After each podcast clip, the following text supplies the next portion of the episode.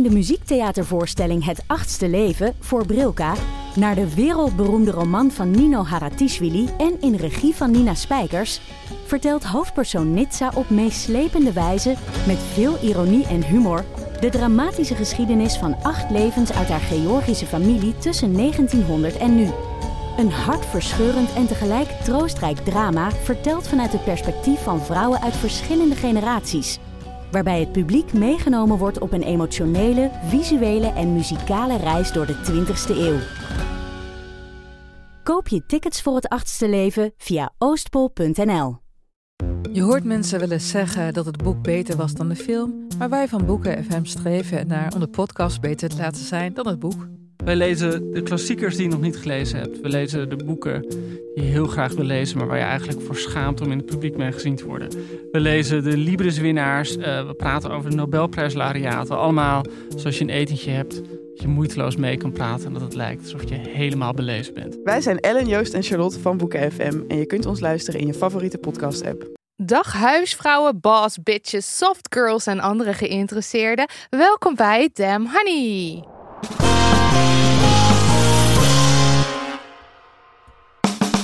De podcast over shit waar je als vrouw van deze tijd mee moet dealen. Mijn naam is Marilotte. En ik ben Nidia. En dit is aflevering 140. 140. De ja en de nee aflevering. Ja, wat was kut, wat was leuk. We gaan het jou eens even allemaal vertellen.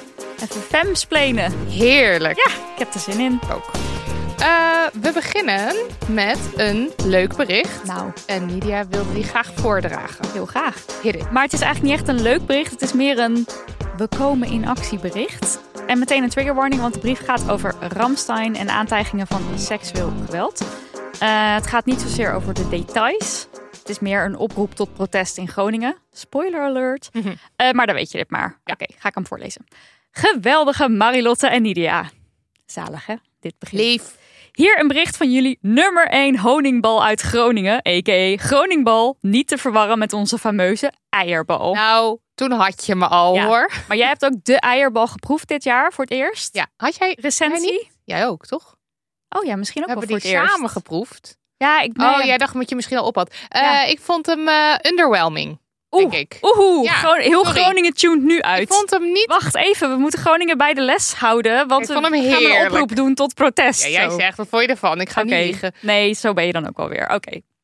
Eh, ik ga verder met Ja, voorlezen. Ik heb jullie eerder eens geschreven dat ik mijn vriend ten huwelijk had gevraagd, namelijk anderhalf jaar geleden. Hij zei volmondig ja. We zijn inmiddels getrouwd en hebben sinds april een meisjeskindje. Mensen denken dat ik moe ben van mijn baby, maar eigenlijk ben ik vooral moe van het patriarchaat.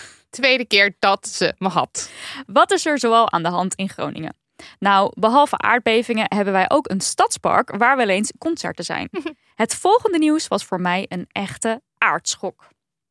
Het Duits Openbaar Ministerie heeft een strafrechtelijk onderzoek geopend naar Ramstein-zanger Til Lindemann wegens beschuldigingen van ongewenste seksuele handelingen. De afgelopen weken hebben een tiental vrouwen beschuldigingen geuit tegen de frontman van Ramstein. De bal ging aan het rollen nadat een Noord-Ierse fan op sociale media had gezegd dat ze op een afterparty gedrogeerd werd. Lindeman zou kwaad op haar zijn geworden omdat ze seks met hem had geweigerd.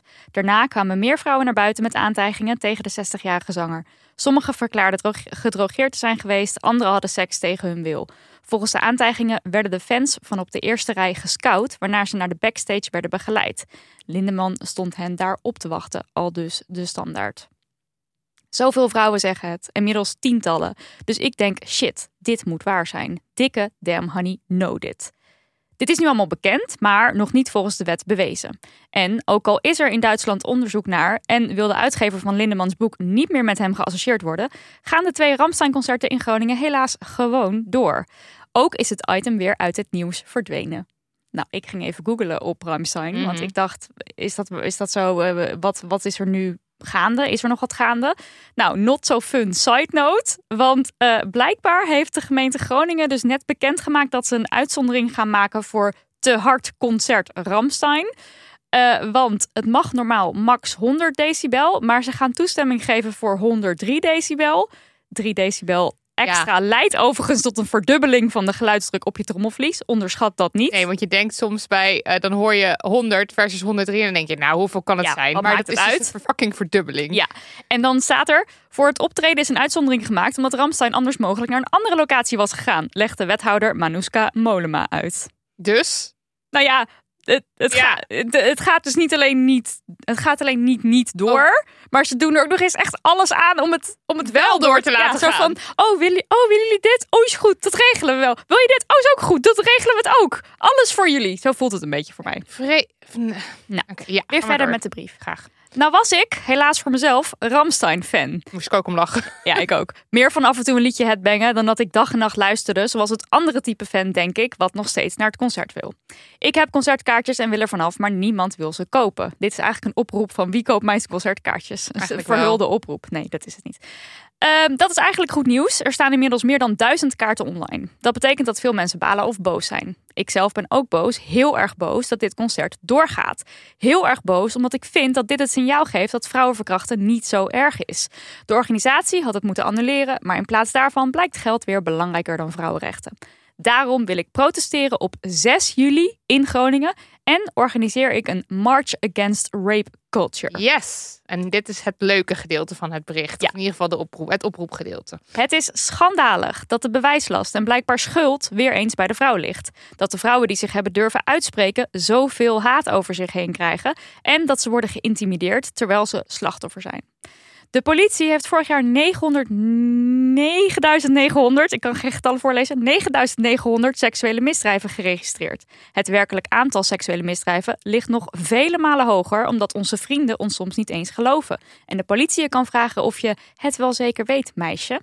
Vervolgens kan het erg lang duren voor de aangifte behandeld wordt.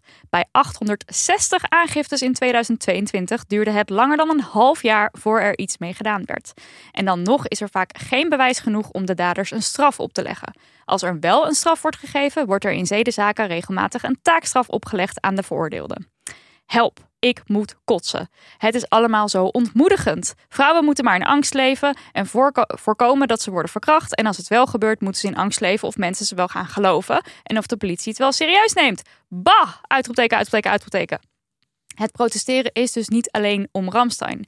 Nu ik een dochtertje heb, maak ik me zorgen over in wat voor vrouwenhatende wereld ik haar moet zien groot te brengen. Maar ik vond de datum van het concert wel een goed moment om dit te doen. De gemeente weet het inmiddels en ik heb goed contact. Ze willen binnenkort weten hoeveel mensen komen protesteren en dan kunnen we rekenen op steun van de politie.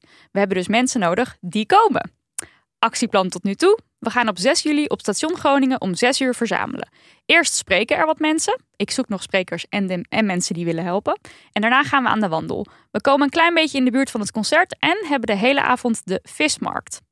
Heel erg super bedankt voor alles wat jullie doen. Be the change you want to see in the world. Honey, honey, sugar, sugar, Lee Hooper. Lots of love from the north, Mathilde. En dan wil ik ook nog even de Insta-handle voorlezen. Maar dat is een heel moeilijke voorleesbare Insta-handle. Dus check vooral de show notes.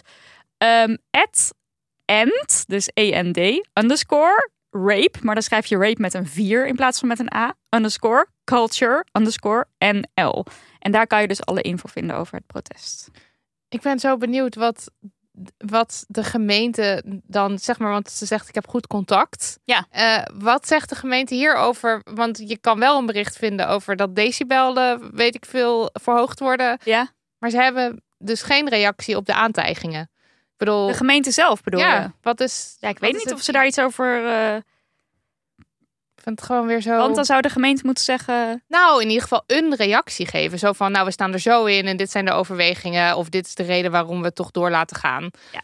Ehm, Maar is dat aan de gemeente nog? Dat weet ik niet hoor. nee, is dat niet aan de gemeente? Aan, Nou ja, of aan de organisator? Je geeft natuurlijk de, je geeft een vergunning voor een concert. En nou ja, misschien kan je dan als gemeente zeggen: Oh, maar dan, geven we, dan nemen we de vergunning terug of zo.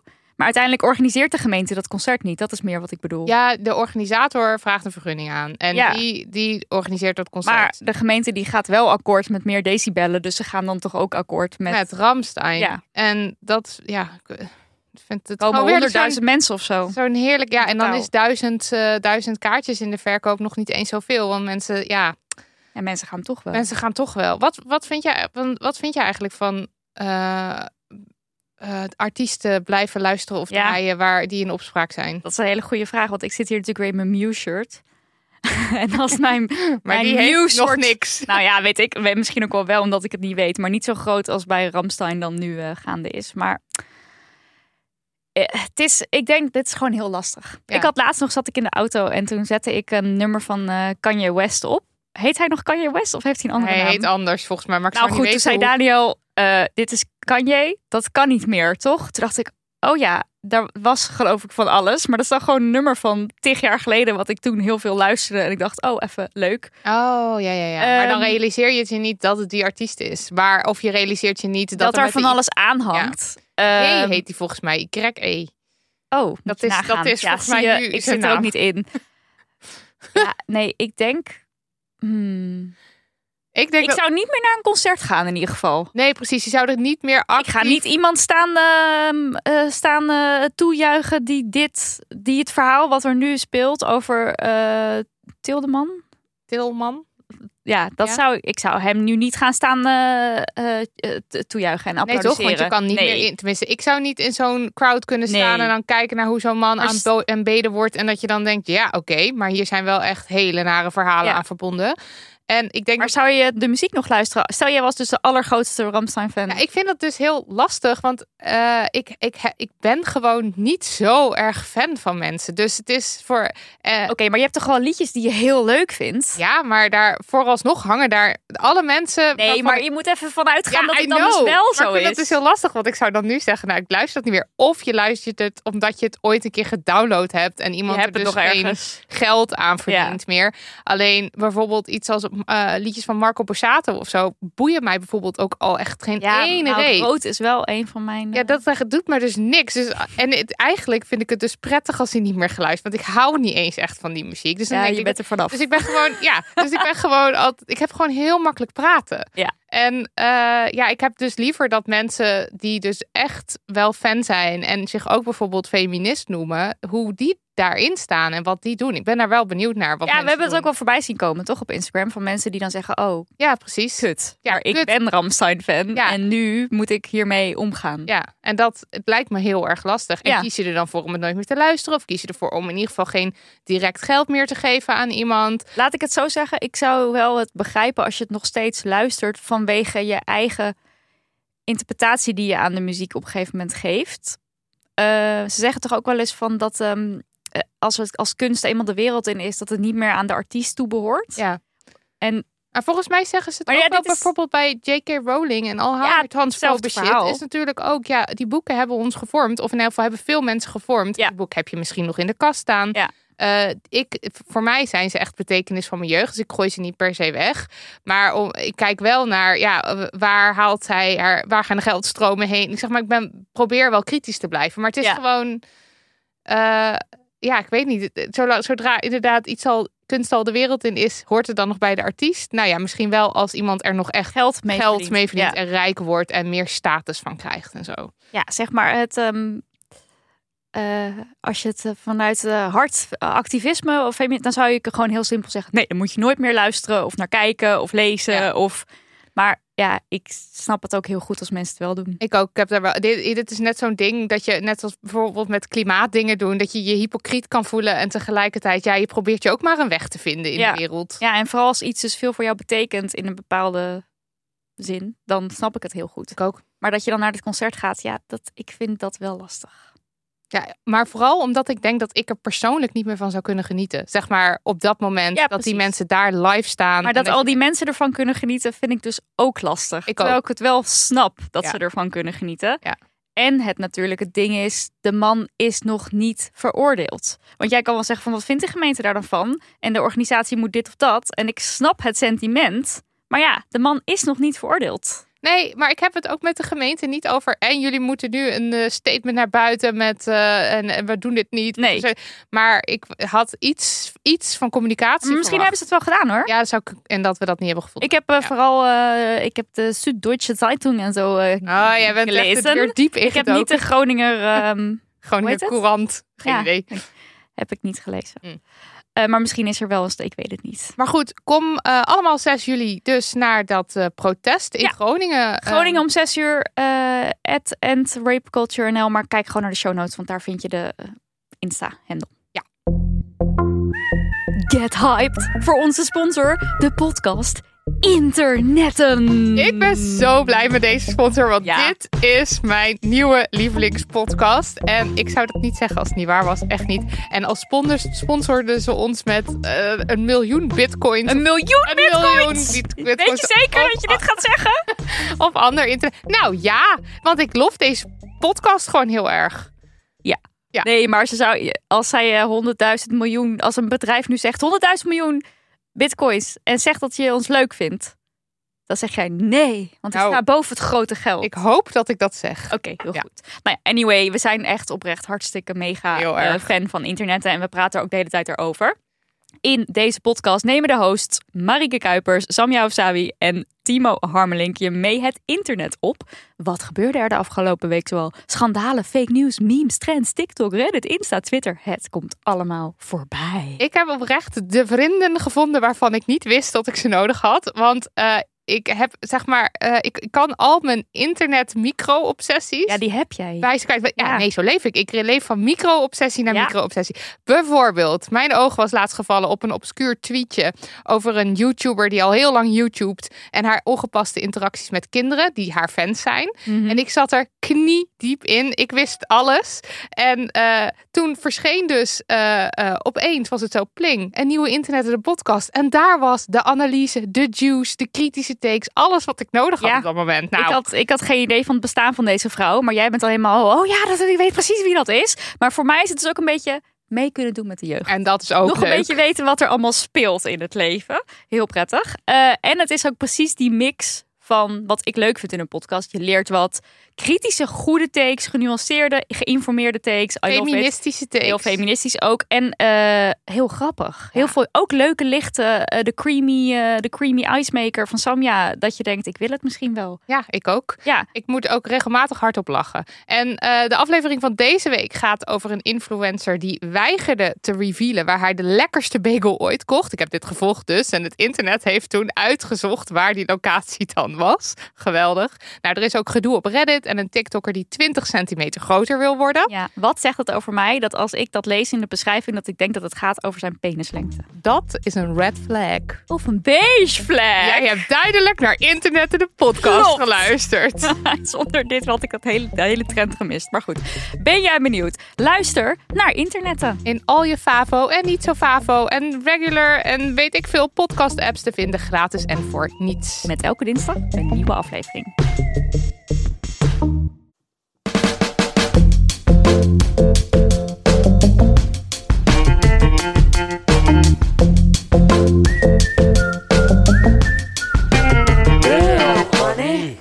Nidia, Ja, eh, wat een no. een no? Ja, Ja, we hadden eigenlijk net al een no, maar Ram- wat zijn no's? was al een no. Oké, eerst even aftikken. De jaarlijkse knaller. Schoolverbied, blote buik of decolleté, want het zorgt voor afleiding. Wat grappig, want Hij was er weer. Onze DM stroomde alweer voor. Hebben jullie dit gezien? Hebben jullie dit gezien? En ik dacht, ja, maar dit is elk Dit is jaar. elk jaar. Ja, Misschien moeten we een soort feestdag van maken. Want het is weer zover. de, de, de, de, de rokjes leiden af, bedek je, Ja, want, vrouw, ja, want, meisje. want de jongens kunnen er niet mee omgaan. En dan vervolgens altijd die school die je dan weer gaat zeggen van... nee, maar het gaat niet alleen om de meisjes. En, eh, en, eh, en dan allerlei dingen gaan proberen te bedenken Laat- om er onderuit te komen. Mensen gewoon dragen wat ze willen, zeker als het fucking 30 graden is. Ook in die scholen, hè? Gaat toch weg, Ja. echt waar. Nou, Nou ja. ik tik er dan ook graag nog even eentje af. Een no. Namelijk Twitter heeft aangekondigd dat het woord cis of cisgender, wat echt een zeer neutraal woord is, als tegenhanger bedoeld van transgender. Eh, maar ja, transfobe piepeltjes die nemen er dus nogal aanstoot aan. Maar dat woord cis of cisgender wordt voortaan als slur of als scheldwoord gezien op Twitter. Dus eh, Elon Musk gaat heerlijk mee op de transfobe trein. Ja, daar was hij toch al lang. Ja, maar Deze nog man die is- extra. Hop, Oh, oké, ja. Ja, wat moet ik erover zeggen? Blijf je dan op Twitter? Zelfde verhaal, hè? Als we Ja. het net over hadden. Voel me weer, weer een hypocriet. Ja, jij kan niet van Twitter. Want eh, daar word jij eh, gevoed in jouw internetobsessies. Nee, dat is TikTok Zoals? wel echt hoor. Oh, TikTok. Ja, Oké, dus oh ja. de volgende obsessie die ik ga noemen, die lees je niet op Twitter, begrijp ik? Nee, Namelijk, wacht, ja, nee, dat is waar. Want, want, want, want ja, nee, dat klopt. Het wordt wel gevoed. volstrekt onduidelijk voor de mensen thuis. Nee, Laat het mij nou nee, vertellen. het begint op Twitter en dan ga ik naar TikTok en dan tik ik daar een woordje in en dan verdwaal ik. Oké. Dit gaat over de internationale, maar ook zeer lokale, want Marilotte die hier aan tafel. eh, enorme interesse in de vermiste Titan. Ja. De submersible die onderweg was naar het wrak van de Titanic met daarin aan boord vijf mensen, die kwijt is. En heel het internet en ook heel veel eh, media, eh, niet internetmedia, maar kranten en zo, die schrijven hier de hele dag over. Marilotte weet er alles van. Ja, ask me anything. Elk Hoe gaat het met de Titan momenteel? Momenteel niet goed. De zuurstof is op en waarschijnlijk worden ze niet gevonden. Oké, anyway, waar de no in zit, is dat het zo pijnlijk duidelijk maakt wiens leven we belangrijk vinden. In welk verhaal we volledig willen duiken met z'n allen. No, Duiken. no pun intended. Eh, waar we in full-blown reddingsmodus voor willen schieten. En waarvan we denken, nou, we don't really care. Ehm, en we don't really care, dat zijn dan de levens van, eh, van vluchtelingen. Want vorige week is er een ehm, scheepsramp geweest voor de Griekse kust. Het ging om een vissersboot waar ongeveer 750 mensen op zaten. En eh, die boot die is dus gezonken. En wat er nu bekend van is, is dat er 104 mensen zijn gered. Er zijn natuurlijk heel veel mensen vermist. Want ja. Ja. je kan ook niet iedereen terugvinden. Maar we kunnen er ondertussen wel van uitgaan dat die mensen zijn overleden. Dat ze En En die boot die was ook niet gemaakt voor 750 mensen. Totaal niet. Nee, nee, nee. Maar wat er dus precies gebeurd is, is nog onduidelijk. Maar de Griekse autoriteit, die hebben wel een paar dingen gezegd over deze ramp. Namelijk, hulp van de kustwacht werd geweigerd door de vissersboot. En ehm, dat er niet direct problemen leken. Want de boot die zou eh, de, qua koers en snelheid in een constante stroom onderweg zijn naar Italië. En dat vond de kustwacht dus een teken van... Het gaat goed. Het gaat goed. Zij zijn gewoon onderweg naar Italië. Ze willen geen hulp. Dus oké, fijn. Ehm, maar als je dan eventjes wat verder in dit verhaal duikt, dan blijkt dus dat die, kunst, die kustwacht, die wist al vanaf een uur of elf in de ochtend dat dat schipper was. Het was ook vrij snel bekend dat er dus veel te veel mensen op dat kleine vissersbootje waren. Er zijn ook foto's van en je ziet gewoon, ook als leek zie je Ja, gewoon meteen veel te dat vol. kan echt niet. Ehm, en ehm, dat er dus ook rond half elf in de avond ehm, al. De kustwacht was toen al op dat moment in de buurt van de boot. Dus zeg maar, ze waren ook op een plek waar ze hadden kunnen helpen. Ja. Nou, dat hebben ze dus niet gedaan. En dan dit, deze bronnen, ik lees verschillende dingen. Hier las ik bij NOS dat rond twee uur s'nachts de vissersboot kapseisde. Bij BBC las ik rond 11 uur. Dus ik vind dit ook alweer eigenlijk heel onduidelijk. Eh, maar er zijn toen dus maar 104 mensen gered. En eh, er is een vermoeden dat er voornamelijk heel veel vrouwen en kinderen in de boot zaten. Omdat het nogal aan het schommelen was. Als soort van veiligheid, ga maar in de boot zitten. Nou, die zijn dus allemaal Verdronken. verdronken. Ehm, en al die uren, want ik zei dus net 11 uur in de ochtend wisten ze al zo'n beetje van hé, hey, die boot bestaat. En dan rond half elf in de avond zijn ze er in de buurt. En dan een aantal uur daarna eh, v- v- v- ehm, kapseist die boot. Al die uren weten ze gewoon dus, dit is veel te vol. Dit is niet oké. Maar toch hebben ze niks. niks gedaan. Ja. Nou, ehm, de, ik vraag me dus ook af wat dan, wat dan waar is van de Griekse kant van het verhaal. Van, klopt het dan dat ze inderdaad geen hulp wilden? Nou, want dat is wat de kustwacht zegt. Nou, de eh, eh, hulporganisatie Alarmphone, die zegt dat in de middag al duidelijk werd dat er problemen waren op het schip. Dus dat mensen al eh, contact met hen opnamen vanaf de boot. Om te laten weten van het gaat helemaal niet goed hier. En ze zeggen, die eh, Alarmphone, die zegt dat er nog tien keer contact is geweest met opvarenden. Die dus aangaven van het is niet oké. Ze zeiden ook dat de kapitein het schip had verlaten met een bootje en dat ze vreesden de nacht niet te zullen overleven. Dus dit spreekt al het eerste gedeelte van de Griekse kustwacht heel erg tegen. Ja, dit klinkt gewoon alsof ze liegen. Precies. Nou, dan is er nog een tweede ding. Of je nou wil helpen of, eh, of, of je nou geholpen wil worden of niet als bootje zijnde. Je moet hulp bieden. Dat leerde ik van Klaas van Dijken. Dat is een onderzoeksjournalist bij Lighthouse. Ik las het bij de RTL. Het besluit om niet te helpen gaat in tegen internationale wetgeving, zegt hij. Die wetgeving zegt, als een schip in nood is, ben je als kustwacht verplicht te helpen. In nood betekent ook wanneer het volgeladen is en mensen geen reddingsvesten hebben. Oké, dus ze liegen en ze hebben de wet overtreden. Ja, wat ik hier lees. Dan is het de vraag: was er niet stiekem toch sprake van een pushback? En dat is iets wat ik las bij migratie-expert Floor Didden op Twitter. Die heeft namelijk sterke vermoedens dat dat zo is. En een pushback-operatie, dat gebeurt dus vaker. De Griekse kustwacht heeft hier dus ook een handje van. Ze zijn ook eerder op de vingers getikt. Want wat ze dan dus doen, sowieso Griekenland is heel hard hè, qua ehm, eh, migranten. Die Ja. hebben echt soort eh, super nasty eh, policy. En die pushbacks zijn er ook onderdeel van. Dan doen ze bijvoorbeeld een, een touw aan de boot en dan proberen ze hem dus ja, terug Letterlijk terug te trekken naar waar ze vandaan komen. nou ja, soort van. Ja. Ja. En er zijn ondertussen getuigenissen van overlevenden. Al probeert de Griekse kust, of de Griekse overheid, die probeert die mensen een beetje zo weg te houden van de media. Maar dat gebeurt dan dus toch. En die overlevenden, er zijn meerdere mensen die hebben gezegd dat de boot kapseisde tijdens een manoeuvre van de Griekse kustwacht die de boot met een touw aan het voortslepen was, weg uit Griekse water. Ja, hoor. En dat is dus blijkbaar een standaardpraktijk in Griekenland. Dan was er de vraag: waarom stond de camera van de Griekse kustwachtboot uit? Want dat is natuurlijk wel heel eh, handig dat die uitstond. Of convenient, hoe zeg je dat in het Nederlands? Typisch. Het is typisch, typisch, vind ik komt het. goed uit, want hij stond uit. En ehm, dat was een foutje, dat waren ze vergeten. Dubieus. Ja, oké. En eh, Frontex, dat is Europees Grens- en Kustwachtagentschap, heb je vast wel eens van gehoord van die naam.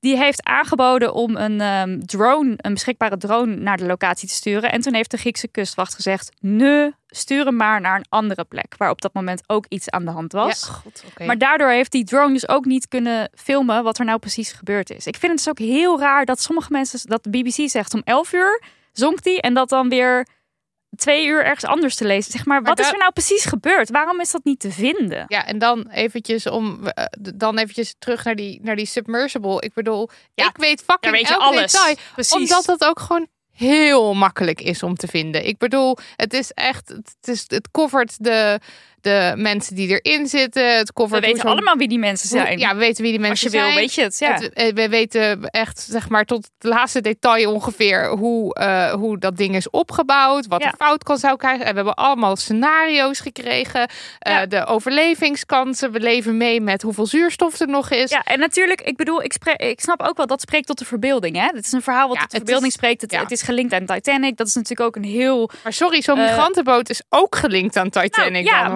Want, want meer, honderden Ja. doden. Ik bedoel, eh, oké, Ik ken een ander verhaal uit Precies. 1912.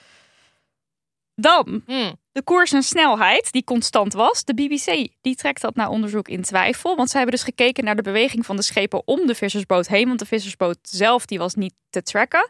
En dan zien ze eigenlijk dat dat schip, die vissersboot, zo'n zeven uur stil heeft gelegen. Dus helemaal niet eh, in steady course onderweg was naar Italië. Waarvan de Griekse kustwacht zegt, ja, maar ze waren gewoon goed onderweg en ze wilden geen hulp. Dus we hoefden ze niet te, eh, te ja. helpen.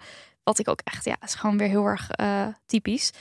Dus ehm, ja, al deze mensenlevens, dit, had, dit had niet gehoeven. Nee. Ze hadden veel eerder kunnen ingrijpen. En dit is gewoon één, één groot, walgelijk, verdrietig, verschrikkelijk verhaal. En het is ja, dat dit nu zo vlak naar elkaar ge- gebeurt ook, maakt zo pijnlijk duidelijk waar Ja. de belangen liggen. Maar, Ja. of- en en wie, wie we interessanter vinden ook. Want ik bedoel, eh, ik weinig gezien, ik bedoel wel de, zeg maar de basic me- media coverage gezien over de migrantenboot. Maar eh, van de submersible gaat het echt, loopt het echt helemaal alle kanten op. Ja, en er wordt ook natuurlijk volop ingezet om te redden en zo. En toen die boot eenmaal kapseisde, hebben zij ook ingezet op redden. Maar dat was natuurlijk veel te laat. Ja, dat had veel eerder De gemoeten. boot was ook binnen een kwartier weg. als in gezonken. Ja, Ja. het ging heel snel. Ja. Dus ja, dat ah, het is zo verschrikkelijk. Nou goed. Ehm Floor Didden nogmaals. Die, eh, die ik net ook quote van zijn, vanwege zijn draadje, de migratie-expert. Die ehm, werkt bij een Vlaamse organisatie die staat voor solidariteit, internationale solidariteit. Die schrijft dat er verschillende eisen zijn. En ik sluit me helemaal aan bij die eisen, dus ik dacht, ik lees ze even voor. Onafhankelijk internationaal onderzoek. De daders van de ramp moeten ter verantwoording worden geroepen. Menswaardig asiel- en migratiebeleid met veilige routes. Want kijk, het gaat natuurlijk al fout op het moment dat dat niet kan. Dan gaan mensen grote risico's nemen omdat ze niet anders kunnen. En dan krijg je natuurlijk weer mensen die zeggen van ja, gelukszoekers en die mensen die komen maar hier. Maar dat, dat is Dat natuurlijk is- nooit waarom je zo'n risico neemt. Tuurlijk niet. Dit, dit doe je omdat je niet anders kan. En je wordt dus gedwongen om daar in zo'n onveilige situatie te zijn. En dan vervolgens word je ook gewoon aan je lot overgelaten. Precies. Meer reddingscapaciteit en ook afspraken over wat er gebeurt eens mensen gered zijn. En hoe de inspanningen over alle Europese lidstaten gespreid worden. En tenslotte, schrijft Floor, moet ook de situatie in de landen waar veel vluchtelingen vandaan komen, denk aan Turkije of Libië, erop vooruit gaan. Mensen moeten toekomstperspectieven krijgen in die landen. Ja. Maar ik vind het, ik heb er een hard hoofd in, ook omdat dan nu ook. Mark Rutte weer aan het praten is met, eh, met, met Marokko, geloof ik, ook om mensen terug te sturen. Het is alles is erop ingezet Ja. om mensen uit. Nou, als je het over Nederland hebt, om uit mensen uit Nederland te houden. Vooral niet te veel migranten. En Vooral niet te veel opvang in de regio, noem het allemaal maar op. En dat is gewoon allemaal, ja, Goed, nou, dan iets luchtigers. Ik heb me met frisse tegenzin gestort in het fenomeen Treadwives. Stay-at-home girlfriends. Ja, ik, wou, ik, wist, Soft girls. ik wist dus niet wat threadwives waren. Ik, ik ken het- Traditionele wives. Oh, daar staat het Ja. voor. Ehm, het zijn vrouwen die het thuisblijfprincipe volledig omarmen. Dus ze kunnen moeder zijn, maar dat hoeft niet. Ik dacht dus aan vrouwen die in zeg maar zo'n ding liep. Rondje lopen. Ja, in een treadmill eh, lopen. Tread met... Schrijf je het ook met een A? Ja, volgens mij wel. Ja. Nou, de, Treadmill. Oké. dacht ik. Ik dacht Nou, aan beweging. Eh, zij, zij, eh, zij zijn dus helemaal pro lekker thuis blijven, geen carrière maken. En daar maken ze dan content over op de socials. En opeens waren die Treadwives overal. Het is trouwens ook erg een internet en de podcast. eh, ja, heel onderwerp. erg. Eigenlijk moeten we een crossover met ze doen. Dat wil ik ook echt. Ik wil dat heel graag. Als jullie luisteren. Dus dit is vast een oproep. Ja. Eh, want wat gebeurde er? Nou, ik zit dus op Instagram, ja, niet op TikTok. niet op TikTok. Dus ik zie altijd vijf maanden later die video's nog eens een keer voorbij komen. Dan stuur ik ze mij jou. En dan zeg ja, ik, ja, dat ken ja, ik al. leuk. Ja, ken ik al. Leuk, ken ik al. En eh, ik kreeg dus ook wel af en toe van die video's. En dan zie je bijvoorbeeld een vrouw met een schort aan. En die heeft dan drie kinderen aan haar been. En dan gaat ze bijvoorbeeld ehm, een broodje jam from scratch maken. Of, of, of koekjes of zo. En dan heel erg vrouwelijk en, en lieflijk. En dus met die kinderen. En, en de, ja, de goede huisvrouw zijn. Ja, of ze gaan eh, eh, from scratch een iets heel ingewikkelds koken voor een man die dan straks thuis komt Ja. uit werk. Dat, Ja. Die heb ik ook wel gezien. Maar ik, heb je, krijg je het veel? Zie je die video's Nee, veel? ik zie het weinig, omdat ik dus echt nul geïnteresseerd ben in de Treadwives. Ik, Ik klik ze ook altijd Ik weg. het ook ik wil het meteen gewoon weg. niet zien, dus dan Ja. zit je er ook niet in. Nee, precies. Maar ik had het dus wel voorbij zien komen. Nou, vervolgens ehm, kregen wij ook een mail van een of ander eh, Ja, ja, een krant of een radioprogramma of zo. wel iets christelijk georiënteerd volgens mij. Ja, of wij er iets over wilden zeggen. Toen dacht ik, daarover zeggen? Wat moet ik daarover zeggen dan? Ja. Eh Treadwives. eh, in Nederland eh, doen vrouwen nog altijd anderhalf keer meer zorg dan mannen. Dus waarom heb je het niet gewoon, heb je het niet over een fenomeen, maar heb je het daarover? In Ja. plaats van over een TikTok-trend. Dat was een beetje mijn eerste gevoel erbij. Maar look at me now. Ik zit er nu toch over te praten. okseltje diep. En toen las ik er afgelopen zaterdag een stuk over in het Nederlands Dagblad. Dus aan alle kanten waren die Treadwives tot mij gekomen. En toen brak haar klomp. Nou, toen dacht ik wel van ik wil even iets meer weten hierover. En in hoeverre dit nou echt iets heel groots is. Niet dat ik daar nou echt een antwoord op heb. Maar ik vond het gewoon leuk om even met jou over te praten. Nou, kom maar door. Ehm, nou, het is niet per se iets eh, nieuws. Want ik ging het dus opzoeken. En ik vond bijvoorbeeld al een stuk uit 2020 in The Guardian. Eh, maar het ding is dus, Treadwives die houden van de ultra-traditionele genderrollen. Ja. Dus het is heel erg in dienst staan van je man, eh, kinderen eh, baren en voor ze zorgen, de, nou, koken, wassen, gewoon alle traditionele dingen. Maar dit zijn dus ook de mensen die bijvoorbeeld eh, de draagzakken en zo aanprijzen, denk ik, toch? Die dure, Oh, dat zou ook heel goed dure kunnen. draagzakken voor baby's. Ja, het dan- deed me wel heel erg denken aan de wellness recht, ja, recht. Ja, precies. Dus, maar ik weet niet of het dan één op één hetzelfde is of zo. Maar het is ook altijd heel feminien.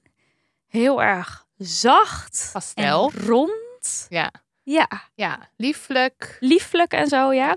En ehm, ze zeggen ook wel echt dingen als een vrouw wordt achter het aanrecht. Of dan de Engelse versie, a woman's place is in the home. Zeg maar, dat, ze zeggen dat ook echt hardop. Het is niet alleen maar dat ze zeggen van... Ik hey, vind het ik, leuk. ik ben lekker thuis en ik vind het een fijne lifestyle of zo. Maar het is ook echt wel dat heel erg noemen. En sommigen die keuren ook echt het feminisme met naam en toenaam af. Zo van Feminisme is echt, ik, godzijdank trap ik er niet in. Oh, ja. Eh, ik heb eh, de oogkleppen op mijn twintigste al afgedaan. En ik weet dat, eh, dat dit is echt alles wat ik wil als vrouw. En ik- ik, omarm dat. Als ik dit zie langskomen op mijn, op mijn tijdlijn of op mijn feed, dan klik ik dus ook altijd weg. Omdat ik, zeg maar, zelfs nu jij het uitlegt, voel ik al een soort Weerstand, hè? fysieke weerstand Ja. er tegen. Dat ik, en ik weet dat als ik die filmpjes meer ga kijken en ik Dan krijg er meer, Ja. dan ga ik er ook op reageren en boos worden. En dan wordt mijn bloeddruk gewoon veel Heeft ook geen zin om te doen. Nee. Ehm, nou, in dat stuk in The Guardian, daar werd ook meteen de link gemaakt met alt-right. Dus dat het binnen extreemrechtse kringen, dat, het, dat dat ideaal natuurlijk heel erg wordt opgehemeld. Daar hebben we ook met Roxane van Ypres en de, en de wellnessrechts hebben we het daar natuurlijk ook al over gehad. Ja, Dus de vrouw thuis en dan de man als degene die het brood op de plank eh, brengt. het is, heeft iets heel conservatiefs. Of Ja, het is zeker. heel conservatief. Maar zelf zeggen die threadwives dan natuurlijk van nee, extreemrechts, daar heb ik helemaal niks, niks mee te De- maken. Ook dat klopt helemaal met het verhaal met, van Roxane. Ja, precies. Oh. En het Nederlands Dagblad schreef er afgelopen week dus over dat de beweging een duidelijk conservatief-christelijk component heeft. Favoriete hashtags zijn bijvoorbeeld Blessed and Grateful, Bijbels moederschap en Proverbs 31 Women, verwijzend naar Spreuken 31, waarin de deugdzame vrouw wordt beschreven. Als we het over mannen hebben, gebruiken threadwives regelmatig, regelmatig woorden als dienen en onderwerping. Ja, ik zie jou helemaal slecht gaan. Ik zit ook helemaal hier heen en weer te wiebelen, omdat ik gewoon echt niks mee kan. Ah, maar zij kiezen er toch zelf voor? Ja, en nee, maar ook nee. Ja, ze kiezen er zelf voor, maar het wordt ook zo actief, actief verspreid. Ja, als dat stoort van- mij er ook aan. wat vrouwen moeten. En kijk, ik kan, er, ik kan er nog voor kiezen om er gewoon ehm, eh, geen aandacht aan te besteden. Maar ik vind het ook gewoon walgelijk. Ja, ik vind het ook walgelijk hoor. Maar En ik, vooral ik vond het ook interessant bij mezelf om te na te gaan van in hoeverre is het niet seksistisch voor mij dat ik het walgelijk vind. Ik denk dat bij mij de weerstand ook heel erg zit in het, eh, omdat ik eh, lesbisch ben, een relatie heb met een vrouw en gewoon de hele tijd dat, die retoriek van het heet vrouwen horen dit, mannen horen dit. Ja. En ik denk de hele tijd, nee, dat is onzin. Maar jij bestaat niet in deze retoriek, En in de- deze wereld. Dus zij dismissen mijn bestaan met al dit. En dan denk ik, ja, dan mag ik ook die weerstand voelen. Tuurlijk, Dus daar ook, komt het denk ik vandaan. mag ook allemaal. Mag allemaal. Ja, oké. Maar ik Nou. word al wel een opgeronde standje. Ja, dat is ook wel leuk. Ja. Nederlands Dagblad, eh, heel veel wijze dingen. Namelijk Marieke van den Berg, hoogleraar feminisme en christendom aan de Radboud Universiteit. Die zegt van ja, het heeft een hoog nostalgisch gehalte. Maar het verleden waarnaar verlangd wordt, was natuurlijk nooit zo ideaal als de beeldvorming doet geloven. En dan vooral wat ik interessant vond, is dat ze zegt dat ehm, de jaren 50, dat was natuurlijk een hele andere realiteit dan wat we te zien krijgen in deze video's. Want deze video's is alleen maar leuk en fijn en een keuze. En ik kies er zelf voor en het is allemaal geweldig. Dit is het toffe sausje van de jaren 50. Precies. Maar ehm, ook dat dus ehm, het toen onrechtvaardig en onveilig was. En dat die threadwise van nu Mhm. dat een stuk minder hebben. Dankzij de verworven rechten, dankzij het feminisme. Ja, ze kunnen er Dus anytime uit. Ze kunnen er anytime uit. Dan nog heb je een heel groot punt van financiële onafhankelijkheid. Ja. Maar daar kunnen we het zo, zo misschien nog even over hebben.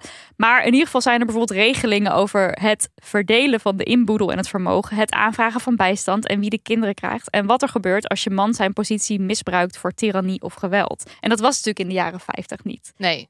Nee, Dus- nee, nee. Je hebt veel meer om op terug te vallen. Je hebt meer rechten. Eh, Ja, de- de- er staat Dankzij meer achter. feminisme. Precies. Dus daar, en zij zegt dan ook, ironisch eigenlijk, de threadwife kan zich alleen antifeministisch opstellen dankzij de verworvenheden van het feminisme.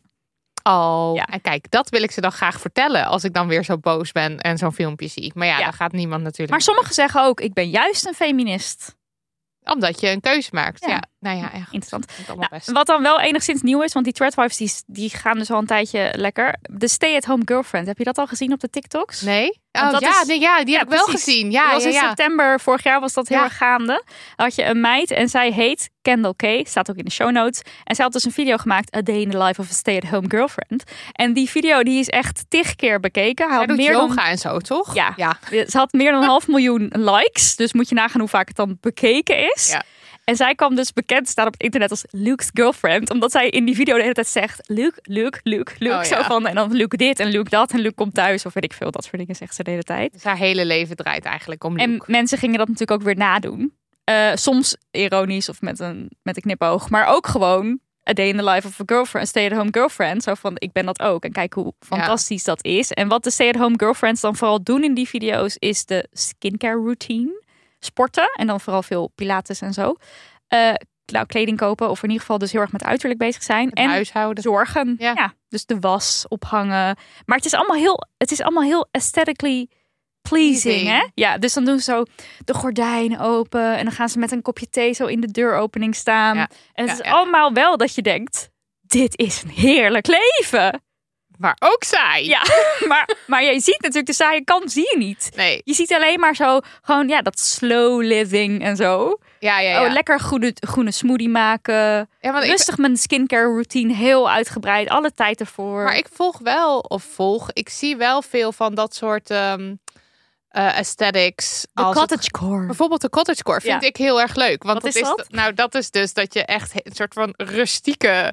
In, letterlijk wonen ze vaak ook in een hut. Een In boerderijleven. een, in een bos of in een hut. En eh, dan gaan ze, weet ik veel, worden ze wakker. En dan doen ze een vuurtje aan, natuurlijk. Oh ja. En dan eh, weet ik veel. Dan, Bessen plukken, dan wordt er. rijden. Of dan, nee, er wordt een zelfgemaakte cracker van allerhande zaden. Wordt dan uit de kast geplakt en gepakt. En dan pa- pakken ze jam die ze zelf gemaakt hebben. Maar dit vind je wel ze- leuk, of niet? Ja, ergens- Ik zie jij hier niet het opgewonden standje zijn als waar je net... eh, Nee, maar omdat ik denk ik wel de, de video's heb gezien waar het je niet opgedrongen wordt, maar waar het gewoon is van ik doe dit. Oh ja. En he- helemaal verder niet van en vrouwen horen dit te doen. En er is vaak ook niet, ik zie gewoon een vrouw dat doen en dan zit er fijn muziek achter en daar word ik eigenlijk wel rustig van. Ja. Eh, er is ook niet, er is niet een man verder die een rol speelt. Ze vertelt gewoon over, nou, ik heb deze zadencracker gemaakt. Ik denk, nou ja, het maakt leuk. Ja, en Met die gezellig. dus, eh, het is ook niet zo dat ik anti die lifestyle ben. Maar het is gewoon, als het zo heel erg gaat over die traditionele rolverdeling, word ik gewoon Ja, dit heb ik dus ook. Want eigenlijk, dit zijn dus al die subculturen. Je hebt die cottagecore, soft girls, divine feminine, vanilla girls. En al die, al die subculturen hebben weer hun eigen eh, dingen. Waar ze dan video's over maken. Of hoe het eruit ziet qua kleur en zo. Of wat voor boodschap ze vertellen. Maar het is inderdaad wel... Ik heb het gevoel dat het bij de, de hardcore threadwives... Dat dat veel meer echt het, het vertellen is van een vrouw hoort dit. Ja. En dat het bij die andere subculturen wat minder aanwezig is. Maar daarover zag ik dan wel weer iemand zeggen in een eh, stuk van knak. Zeg ik knak of zeg De ik knak. knak? Ja, volgens ik weet het. K-N-A-C-K. Ik heb geen idee. De knak. Nou ja, dat, BE, dat je zeg maar eerst een beetje er, dat je die eh, aesthetic ziet en dat je denkt, oh wat leuk, maar dat er eigenlijk natuurlijk wel gewoon een soort ja, ide- ide- ideologie of een soort manier van wel toch ook in zit. En dat is dan toch de stay-at-home mens zijn. Niet, Ja. niet per definitie man, maar wel. Voor je het weet ben je zelf die granencrackers aan het maken, bedoel je? Of, eh, Nou, als jij. eh, het is een hele geprivilegeerde manier van leven. Sowieso. Want als Dat jij, sowieso. als jij dit, deze aesthetic helemaal één op één na zou kunnen doen van zo'n filmpje en dat je je leven zou kunnen maken, die luxe heeft niet iedereen. Nee, het kan vaak alleen maar omdat je dus een partner hebt Ja. die jou onderhoudt. Ja. En daar hebben we dan nog even over die fin- financiële onafhankelijkheid. Dat is natuurlijk gevaarlijk. En als je getrouwd bent en je hebt nog op papier nog ja, eh, rechten, dan is het tenminste nog iets wat vastgelegd is. Maar als stay-at-home girlfriend Ja, dan heb je niks. is het de vraag of je dat hebt vast laten leggen. En Ja. dan kan het er wel heel leuk uitzien, maar het is wel goed om daarover na te denken van wat gebeurt er als hij een lul is. Of als jij denkt, ik heb er eigenlijk helemaal geen zin meer in. Hoe Ja. ziet je leven er dan uit? Dus ja. Eh, en het is natuurlijk gewoon wel ehm, ergens, denk ik, te begrijpen. Omdat het een reactie is op je moet heel veel als vrouw. Ja, het is dat alle ballen in de lucht ha- Ja. houden. Van je, je moet werken en zorgen en dingen. En, eh, en dan is het Relaties van... onderhouden. Je moet maar leuk en lief zijn en sexy en er goed uitzien. Ja, doe het maar eens als je ook nog moet werken. Ja, en je zit natuurlijk ook, omdat we ook in onze afleveringen over de zorgwerkverdeling, dat vrouwen wel meer zijn gaan eh, werken en maar mannen niet, meer zijn meer gaan zorgen. zorgen. Ja. Dus je moet meer doen als vrouw. En dat je dan, als je je overweldigd voelt, of als je denkt, dit is heel veel, snap ik ook wel dat je dan kiest voor dat Terugtrekken. Ja, en het is natuurlijk altijd eh, wat Roxane ook zei: van Mhm. eh, ja, jullie schilderen zo'n beeld af en dan moet je dan maar in geloven van iedereen is gelijkwaardig. Ja. Maar ik herinner me dat ik vroeger thuis was en daar was het fijn. Ja. Dus ik wil liever terug naar, naar vroeger. En Ja. dat is eigenlijk wat ze doen. Een soort van terug naar vroeger, waar het fijn was. Omdat, omdat we het kennen, maar alle rauwe randjes zijn eraf. Ja, en, maar los van dat je het kent, het is toch ook een, een doable leven. Ja, Het is toch heerlijk? ja, als nee, ik, ik hoef het niet hoor, maar ik snap wel heel goed dat het, tot de, dat het, dat het fijn kan zijn. Ja. Al helemaal de stay-at-home girlfriend als er geen kinderen in het spel zijn. ja, want dan hoef je echt niks. dan ben je gewoon alleen maar lekker voor jezelf en aan het zorgen. yoga. Ja. Ja.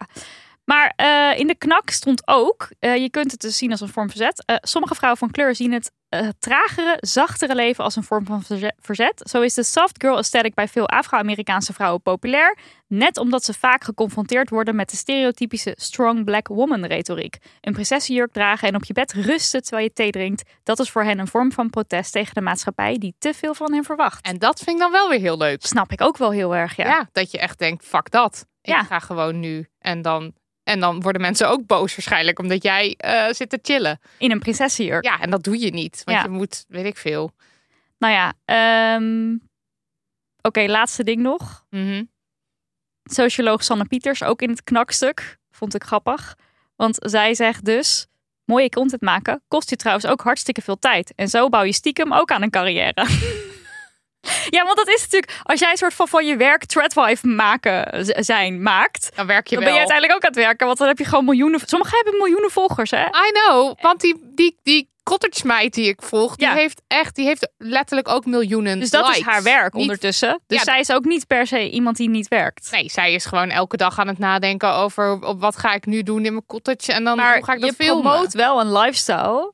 Oké, die cottage core, dat we, ik ken dat niet goed genoeg. Ik weet niet in hoeverre daar dus echt ook die, die stereotype man-vrouw genderrollen en zo ik weet dat ook niet, worden. hè? Nee, Ik ken Dus- alleen die ene meid in ja, die hut. zij kent die ene meid in die hut. Nee, maar even, als je het echt hebt over die eh threadwives.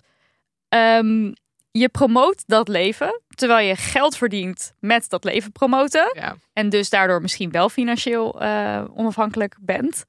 maar mensen die dat kijken, die zitten natuurlijk niet allemaal in die geprivilegeerde omgeving. Die kunnen niet allemaal heel makkelijk zeggen van... eh, oh, ik ga bij je weg, want ik heb toch miljoenen follower- followers en ik heb geld zat. Snap Ja, je? precies. Het Dus is dat is wel heel- gevaarlijk. ja. En maar en, en het is ergens heeft het iets van zo'n van zo'n eh, pyramid scam of zo, want het is Ja. zo iemand zit bovenaan en die promoot dat, de andere mensen gaan dat ook doen en die Ja. verdienen dan misschien ook een geld mee. Het is net als met die coaches die dan mensen coachen die dan en hoe ze dan geld moeten verdienen, dat zij eigenlijk als coach zijn de geld verdienen aan de Waarschijnlijk mensen raakt dit aan de divine feminine. Want dat is namelijk, eh, brengt veel tijd door de natuur, spiritualiteit, motivatie, zelfinzicht. Dat Ja. is daar vooral op Nou, ik denk dus dat het allemaal ook Ja, soort van allemaal allemaal uit één pot nat komt. En uiteindelijk is gewoon eh, het ook verraderlijk. Ja, En is het niet de realiteit? Het is gewoon altijd heel belangrijk om te blijven realiseren dat het niet de realiteit is. Het leven van deze mensen is ook niet altijd zo. en ook niet Of misschien leuk. wel, maar dan zijn ze geprivilegeerd. En dat, dat, is dat. dat is nummer één. Ja. Hallo, hier volgt een woordje of twee van onze sponsor, Air Up. Het is een fles. Je doet er water in. Je klikt er een pod op. En die pod geeft jou ontzettend normale doorsnee kraanwater. Of in mijn geval, want ik ben een fancy meid. Mijn luxe soda stream bruiswater. Opeens smaak. Ja, ik had dit weekend 35 verjaardagen. Om en 35? nabij. Om en nabij. En ik heb daar de show gestild. Gestolen. met die Air Up. Iedereen was van oeh en ah. En ik heb ook mijn moeder hem laten testen. Ja, het was een succes, Nou, succesnummer. En bij mij is het een succesnummer bij mijn eh, bovenbuurjongetje. Want ik kwam Oh. de trap af en hij was daar. En ik keek me met grote ogen aan. Heb jij een air-up? Toen zijn moeder, ik wil ook een air-up. En toen zei jij, die krijg je niet. Want Dus- jij bent een hele enge, enge buurvrouw. Ja, precies. Ze vinden mij doodeng. Wil iedereen ook dit aan jouw fles lurken? Want Hey. ik vind dat goor, maar ik laat het wel toe. Ik ook. Ik Want ik, geen grens ik loop iedereen zo de hele tijd van eh, Ik wil ook dat mensen het proberen, maar ik, wil, ik durf ook niet te zeggen, nee, dat, moet, dat mag niet. Nee, Dus want ik ik ben de- aan het schrobben. Ik ben ook aan het schobben, maar dan echt zo stiekem de hele. Wat heeft iemand zo? En dan als iemand al wegkijkt, zit ik zo stiekem. Nou ja, oké. Ik zit in mijn berry era Oké. qua smaken. Ja. Ik had wildberry, dat is een mix van bosvruchten. Dus dan moet je denken aan aardbei, framboos, bramen, noem het op. Bosbessen, weet ik het allemaal. Heel lekker. Ja. En nu heb ik cassis en die doet het heel goed in deze hotte tijden. Ik neig er zelfs naar om Mhm. cassis uit te roepen tot mijn favoriet. Terwijl ik krijg van normale cassis krijg ik slijm, dat weet je. Goor. Ja, sorry. maar het is wel zo. Ik wil graag. En nu heb ik geen slijm. Nou, dat is fijn. Nu niet meer het woord slijm zeggen. Ehm, maar ik heb dit ook met cassis. I love cassis. Eh, Cassis staat zeker in mijn top Oh. 5. Oh, misschien moeten we uiteindelijk een top 5 maken. Ja, dat nee, lijkt me een goed idee. Ja. We kunnen even, Leuk. want we hebben allebei een nieuwe smaak. Je wil live testen zeker? Ja. Maar dan moet ik eerst die cassis ervan aftrekken. Nou, dan trek jij die cassis ervan af. Ik, trek dan, ik duw dan eventjes alvast de ehm, aardbei lemongrass op mijn pot. Daar ben ik jaloers ding. op. Ik kan Ja. eerlijk zijn. Ik heb, ik heb deze gevonden. Ik heb cherry. Oké, nou, daar ga ik hoor. Aardbei lemongrass. Oh, oké, die van mij. Die cherry, die is echt een beetje zo amandelachtig. Zegt dat jou wat? Klinkt lekker. Ja, maar hij is anders dan ik gedacht had. Wacht even hoor. Die van jou? Ik vind hem niet onaardig, maar hij is me niet uitgesproken genoeg. Eigenlijk. Ik wil hem zo wel proeven, maar ik durf niet te vragen. goed. Maar ik ben... Ik, ik, Cassis blijft nog steeds... Oké, ja, eh, ik. mm, ja, het, het doet me ook heel erg denken aan cherry cola eigenlijk. Terwijl het is niet cherry cola, het is gewoon cherry. Maar het, het smaakt heel zoet. We gaan zo ruilen. Ik weet niet of die in mijn top 5 terechtkomt. Ben je nou benieuwd naar Air Up? Tot en met juli, en dat is juli 2023, krijg je 10% korting op alles. En ga naar air-up.com en gebruik kortingscode DAM10. En dan 10 is met cijfers. En deze info kun je ook allemaal terugvinden in de beschrijving van deze podcast. Iets leuks? De yes? De yes. De yes. Nou ja, dat met die Threadwives was ook leuk. Was hartstikke leuk. En dit is ook leuk. Namelijk een belangrijke organisatie op het gebied van gezondheid. Ja. namelijk de American Medical Association, heeft eh, het concept BMI imperfect, schadelijk en zelfs racistisch verklaard. Holy shit! I know. Dat Holy best- wowzers! Ik vond het best wel huge. Dit is huge. Ja, Hoe ver hebben zij autoriteit? Ehm, nou, hun advies is niet bindend, maar ze zijn wel een heel belangrijke, invloedrijke. Instituut. Ja. Dus het is best wel een. Maar vooral dat ze het racistisch verklaard hebben, Ja? vind ik. Want dat het imperfect was op zich is dat. Nou, het mag dan wel duidelijk zijn in sommige kringen, maar in heel veel kringen is BMI gewoon nog heel Ja, maar je hebt een ding waar mensen aan Kijk, vasthouden. BMI heeft gewoon hele goede marketing gehad, want iedereen kent BMI. Maar Ja. het is wel zo dat het dus, ik ga zo heel even over de geschiedenis van BMI vertellen. Leuk. Maar het is wel zo dat BMI al vanaf het begin dat het werd ingevoerd als een soort gezondheidsgraadmeter, dat er al heel erg veel bezwaren waren. Dus ja, maar toch heeft het wel in ieder geval in Nederland. Ik weet niet hoe het in de rest van de wereld. Ja, hoe- nee, het heel erg. Heel, heel, wordt gewoon heel veel aangehaald als iets wat iets zegt over je gezondheid, toch? absoluut. Even over BMI in het algemeen. Hè? Ja, Hij is helemaal blij. Ik, Ik ook. vind het heel leuk, omdat, nou ja, ja nee, ik vind dit gewoon goede stappen.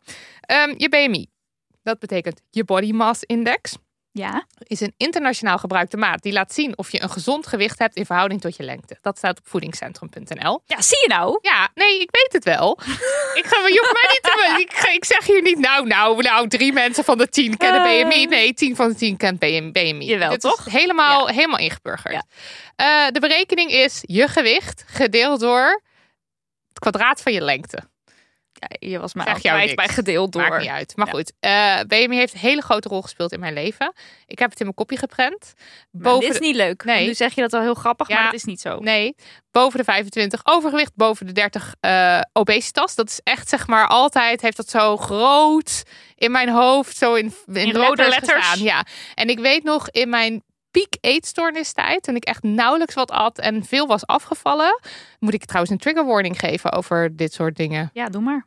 Trigger deze. warning bij Ja, deze. beetje later, maar goed, het niet heel uit. even hebben over mijn eetstoornis en zo. Ja. Ehm, eh, toen ik dus nauwelijks wat at en echt heel veel was afgevallen, had ik eindelijk, eindelijk, eindelijk met heel veel moeite het resultaat gezond gewicht bereikt. Ja. Eh, eh, en dat kreeg ik dan als ik mijn BMI uitrekende. Maar ik was zo ongezond bezig. En da- dat was voor mij ook echt. Ja, dus gezond gewicht volgens de BMI, maar ondertussen... eh, nou, ik zal geen details over de eetstoornis vertellen, maar het ging gewoon helemaal niet goed. ging jou. helemaal niet goed. Zowel mentaal als fysiek niet. Nee. En het rare is dus dan op het moment dat je gezond gewicht hebt, dat met zeg maar gezond BMI hebt, dan, is, dan maakt niemand zich zorgen. Dan Nee. stelt niemand vragen. Het is Ja. gewoon, dat is dan meegezond. Ehm, en ik kreeg dus ook heel veel complimenten. Ik vond het vrij fuck. Dus als ik er nu terug op terugkijk, denk ik echt, dit, dit is een voorbeeld van hoe BMI eigenlijk gewoon helemaal niet werkt. Want in mijn Ja. hoofd was ik gezond. Ja. Of tenminste had ik iets gezonds bereikt. In de Ja. hoofden van andere mensen ook. Terwijl het was de meest ongezonde periode in mijn leven. Ehm, en is er een meer bekende? Terwijl je hebt later nog gezopen in je leven. Absoluut.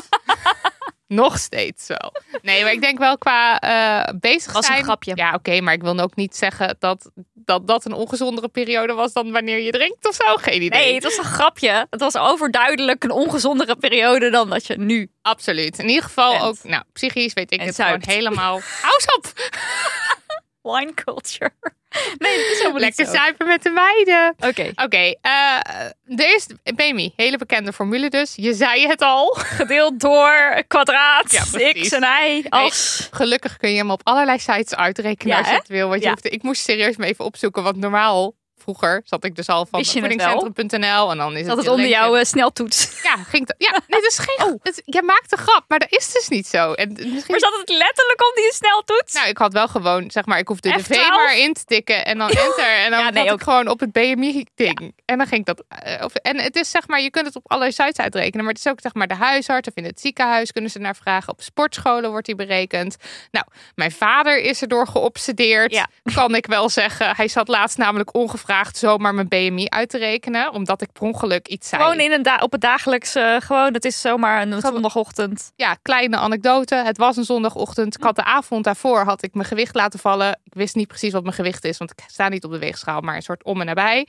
En toen opeens vroeg hij op zondagochtend, denk ik, eh, wat, mijn, wat mijn leng- lengte was. En toen zei ik dat zonder enige, enige Jij dacht gewoon, oh, die man is geïnteresseerd in mijn mijn lengte. lengte. En Toen zat hij daarna met zijn rekenmachientje de kwadraten en de gedeeld door. En toen wilde hij daar toch wel heel even over praten. Want hij was geschrokken, want mijn BMI was zo hoog. En Ja. dat is dus wel, daaraan zie je maar weer hoe het in hoofden van mensen zit, hoe belangrijk Ja. het is. Heb je doorgestuurd naar je vader, dit nieuws? Nog niet, maar dat moet ik eigenlijk zeker wel doen. tuned in de Ja. bonusaflevering als je wil horen wat de reactie was van Marilots vader. Maar goed, het is dus, je kan je communiceren of het is BMI, BMI, BMI. Ja. Eh, en als die te hoog is, dan loop je dan zogenaamd kans op allerlei aandoeningen en moet je afvallen. En de grap is, dit hele BMI-verhaal is oorspronkelijk helemaal niet bedoeld voor, eh, in, om te bepalen wat de gezondheid is van individuen. Ja. Want als we even teruggaan naar in de tijd, op 22 Geschiedenis. 22 februari 1796 Specifiek. werd geboren. Nu komt het. Vingertjes is in de lucht, lieve luisteraars. Ze zijn aan het nadenken of aan het zoeken, denk ik. Door dat, door dat bestand heen. Dat is een bestand van eh tig pagina's. Ik praat het gewoon lekker vol. Werd geboren. Ja. Ja, werd ge... Oh, nog een keer. Nog één laatste keer. Wat voor taal is dit? Frans? Frans Lambert Adolphe Jacques Cuttelet. ik kon niet uitspreken, dus ik laat, dacht, laat het Google Translate doen. Goed gedaan. Nou, goed. goed. gebruik van de techniek. Toch? Hij Ja. werd geboren. Nou, eh, hij moest eerst even... Jean Jean... voor Intimi? Eh, nee, Lambert. Oh, Lambert voor Lambert. Maar eh, laten we. Cuttelet... Ik weet niet Nee, laten we alsjeblieft Lambert zeggen. Want dat, ja. Eh, maar die moest eerst even opgroeien en zo, voor die, dat hij belangrijke dingen kon doen. Maar hij was uiteindelijk, als volwassene, Wanneer werd hij geboren? Sorry. 1796. Oh, 17. Oké, ja, ik Ja. had 1996. Nee, nee, nee. nee Heel nee. jong iemand. Nee, heel Nee, lang. 200 jaar geleden. Ruim Ja, ja, 200 ja, jaar ja. geleden. En hij was astronoom, wiskundige, statisticus, wetenschapshistoricus en socioloog. En wat hoor je hier niet in dit rijtje? Gezondheidsdokter, arts, Iets. meneer. Ja, precies. persoon. Er is gewoon niks in hem wat zeg maar bezig was met Ja. de gezondheid van individuen. En eh, deze, zijn, zij- hij heeft deze index bedacht in 1832. Toen heette het nog de Quetelet-index. Lambert-index. Ja. Ja. En hij wilde met die index de kenmerken van de normale man definiëren. Gewoon normaal. Gewoon normale man. Ja. Eigenlijk normale mens. Maar eh, hij deed alleen maar onderzoek op eh, witte Europese, eh, waarschijnlijk able-bodied cis-mannen. Ja. Dus ik zeg normale man. We wilden, van die groep wilde hij bepalen wat normaal was. Ja, dat noemde hij de normale man, bedoel je? Ja, precies. Ja. Want hij keek dus als statisticus naar populatiemodellen. Dus hij keek naar groepen mensen. Geen arts die naar individuele gezondheidstoestand kijkt van mensen, maar naar groepen. Ja. En daar was hij ook helemaal niet in geïnteresseerd of zo. In In, individu. in individuen. Nee. Hij heeft volgens mij letterlijk gezegd, kon niet helemaal precies vinden, letterlijk gezegd dat het niet bedoeld was voor individuen. pu individu. Individu. Ja, precies. Ja. Ehm, Letterlijk zei hij dat. Let, hij heeft Zijn zoiets gezegd. Het was niet de, bedoelen, Nee. de bedoeling, individu, individuen. Dat heeft hij gezegd. Ja. Ja. Nou, ehm, maar nu wordt het BMI dus wel voor individuen gebruikt.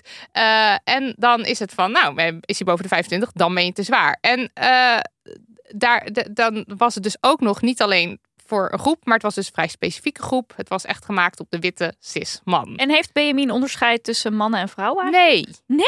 Nee. Tenminste, eh, volgens mij is er uiteindelijk zijn er zo allemaal kanttekeningen. Als je nu bijvoorbeeld naar voedingscentrum gaat, dan kan je die BMI uitrekenen. Maar Ja. dan is het eh, al, wel dezelfde formule. Maar dan is het zo van, nou, als je dit, dit, dit en dit bent, dan is het misschien... eh, Oké, oké, ja. Maar volgens mij, voor zover ik weet, is het voor mannen en vrouwen One hetzelfde. size. Ja, want het is één formule. all. Ehm, en hij hield dus zeg maar geen, verder ook geen rekening met andere factoren zoals nou ja, seksen, gender, etniciteit of leeftijd. Terwijl dat ook gewoon allemaal in- invloed kan Ja. hebben op je gewicht.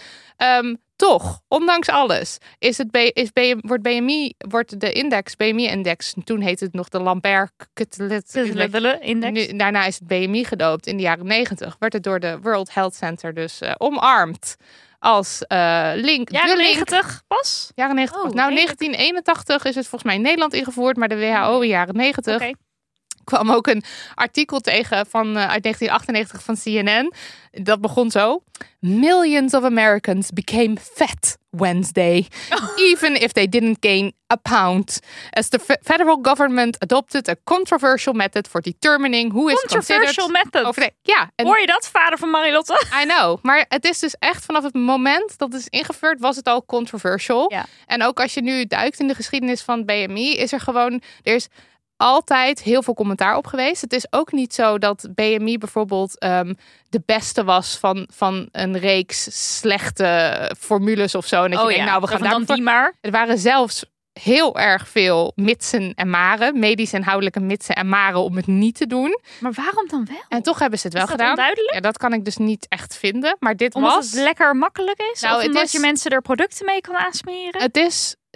Kijk, voor zowel artsen als organisaties, ook bijvoorbeeld, die hebben in Amerika volgens mij, ik weet niet hoe dat in Nederland is, maar in Amerika heb je ook life insurance. Dat je dan ook bijvoorbeeld. ja. Dus het is zeg maar, ze willen, ze willen een soort standaard waarmee ze mensen kunnen indelen. En ja, bij, terwijl dat dus niet kan. Terwijl dat dus niet kan. En ook met, eh, want hier in Nederland is het bijvoorbeeld, heb je, wil je IVF, maar heb je een BMI van boven de 30, wordt jou eerst verteld dat je af moet vallen. Dus Ja. het is, ze willen een soort standaard van, en dat is gezond en dat is ongezond, ook als een, ja, ik weet het niet precies. Het was gewoon een keus om het makkelijk te maken, een soort meetbaar iets. Oké, ja. Terwijl het eigenlijk dus heel schadelijk is en veel mensen ook heeft geschaad. En, En nog ik- steeds gaat. En ik begrijp wel dat je als arts een soort uitgangspunt nodig hebt van waaruit je kunt starten. En een formule of een standaard zal altijd wel imperfect zijn. Maar deze imperfecte formule is een soort van. is helemaal uit de hand gelopen natuurlijk. Want Ja. het is heel wijd verspreid. En ik bedoel, zelfs mijn vader die zit de hele tijd zo van wat is je BMI? Dat als- wist Lambert niet hoor, toen hij er ooit mee Nee, kwam. die dacht niet eh, van nou, die vader van de Mel die gaat helemaal los ermee. Nee. Dus, en dat vind ik het dus heel gevaarlijk maken. En eh, mensen hangen er gewoon heel veel waarde aan. En het zit dus enorm ingebakken in ons zorgsysteem. Ik zei het net al over de IVF, maar ook bijvoorbeeld als je eh, dik bent en een, knieklachten hebt, Mhm. dan, gaan, dan is het eerst van afvallen. Ja. En dan kom je misschien in aanmerking voor een knieoperatie. Terwijl als je dun bent, is het meteen van, oh, we gaan kijken naar je knieklachten. Ja. Eh, ja, dit is bij heel veel, Ja, heel veel maar goed, om maar even een voorbeeld te nemen. En BMI is hartstikke flat, want je kan helemaal, het zegt helemaal niks. Hartstikke wat? Flat. Oh, flot. Zegt helemaal Flat. niets waarop vet in je lichaam is verdeeld. Of welk percentage waar zit. Wat water is, wat Ja. spier. Dus het is alleen maar een soort... Nou goed, er is heel veel mis mee. En er waren dus al bezwaren ehm, in 1981 toen het bijvoorbeeld werd ingevoerd in Nederland. Ehm, en nu vindt eindelijk toch wel naar, wat is het, 30 jaar? Ja, 30 jaar vindt de American Medical Association dat ook. Bijna En- 40, toch? Je zegt 81 net. Oh ja, ja bijna 40. Ja, heftig. Nee, is al 40. is al 40. 42. Oké, 42 jaar na dato ongeveer eh, zegt nu American Medical Association. Maar wij nou, gaan nu het voedingscentrum mailen. Dat moet. Toch? Want Ja. ik ben heel benieuwd wat zij erop gaan zeggen. Ik ben daar ook benieuwd naar. Eh, want ik zat te kijken, want ik zat eh, Nederlandse artikelen over BMI te googelen, maar daar kom je eigenlijk niet zo. Jij wel, wel wat dingen, maar niet zo heel veel eigenlijk. Je komt vooral veel Amerika, Hmm. omdat de American Medical Association dat heeft ge- ingevoerd nu. Oh, zo bedoel je. Je vindt wel... Ik dacht BMI in het algemeen. Maar je bedoelt over specifiek die Medical Association die dit nu gezegd heeft. Ja, ik Nee, bedoel, ik, ik had Dat nieuws is niet echt opgepikt in Nederland. Nee, ik bedoel, Nee. er waait heel veel over uit Amerika. Maar als het een Klopt. keer iets goeds is, dan eh, is er geen velden en wegen te bekennen. Eh, ja, nou, en wat dus de eh, American Medical Association ook heeft toegegeven, is dat het dus eh, racistisch is. Mhm. In de zin van, als je geen witte cisman bent, dan, he- dan is al het getal wat eruit komt, is al dubieus. Maar als je bijvoorbeeld een zwarte vrouw bent, dan dat onderzoek heeft uitgewezen dat ehm, eh, die veel sneller in, in de overgewicht, ongezondheid eh, schaal worden ingedeeld. Mhm. Als je kijkt naar BMI, terwijl dat dus feitelijk dan niet zo is. Dus je hebt wel te maken met al die stigma's, al Je die bedoelt dat feitelijk niet niets met eh, die gezond... hartstikke gezond mens. precies, ja. Is technisch gezien, heeft te hoog Ja, ja, ja, ja. BMI. Maar voor de populatie zwarte vrouwen zouden andere regels moeten gelden. Ja. Want het werkt anders en ze zijn niet ongezond Ja. als ze een hoger BMI hebben. Wat dus wel dan. Nou.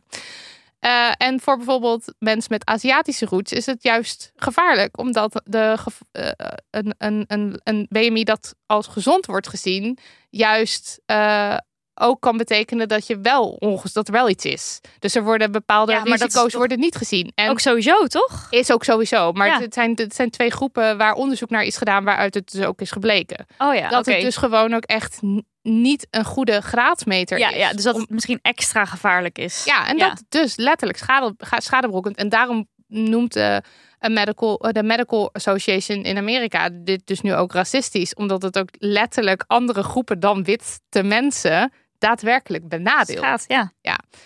Ehm, ja, nou ja, dat was het eigenlijk. Wij gaan het voedingscentrum mailen. Ik gaan weet niet wat jij gaat doen, luisteraar. Dus, eh, ik vrees wel, want ik vind het top. Ik vind het ook wel, nou ja, ik vind het hoopgevend dat dit een eh, organisatie is die veel invloed heeft. Maar ik denk wel, dit, is zo, dit zit zo in de, in de, in Ja, de breinen van mensen Ja. geklauwd. Ik bedoel, het zit nog steeds in mijn kopie. Ik kon zo, ik hoefde niet eens, eh, ik, ik wist, oh ja, 25, oh ja, waren er 30, nog. oh ja. Ja. En eh, dat is niet zomaar weg. Dat gaat echt nog jaren, jaren, jaren duren. Maar goed, het is denk ik een stap in de goede richting.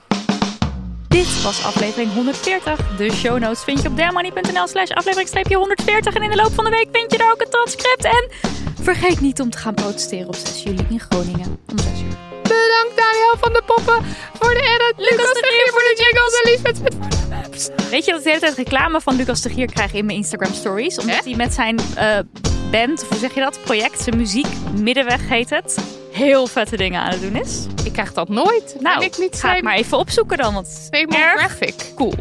Veel dank aan transcripters Marleen, Marlou, Marloes, Elise, FQ, Shura, Melissa, Barbara, Joan, Fenna, Sabine, Maaike, Dirk, Laura, Lisanne, Rivka, Sabine en Hanna. En dank aan Amberscript natuurlijk. Amberscript. Software. Yeah, my homie. Je bent geweldig. Ja, nou, wij kletsen nog even door. En je doet het er maar mee. eh, de bonuspodcast van deze podcast. Die kun je luisteren via petjeaf.com slash damnhoney als je ons met minimaal 1 euro per maand steunt. Of niet. Zelf weten.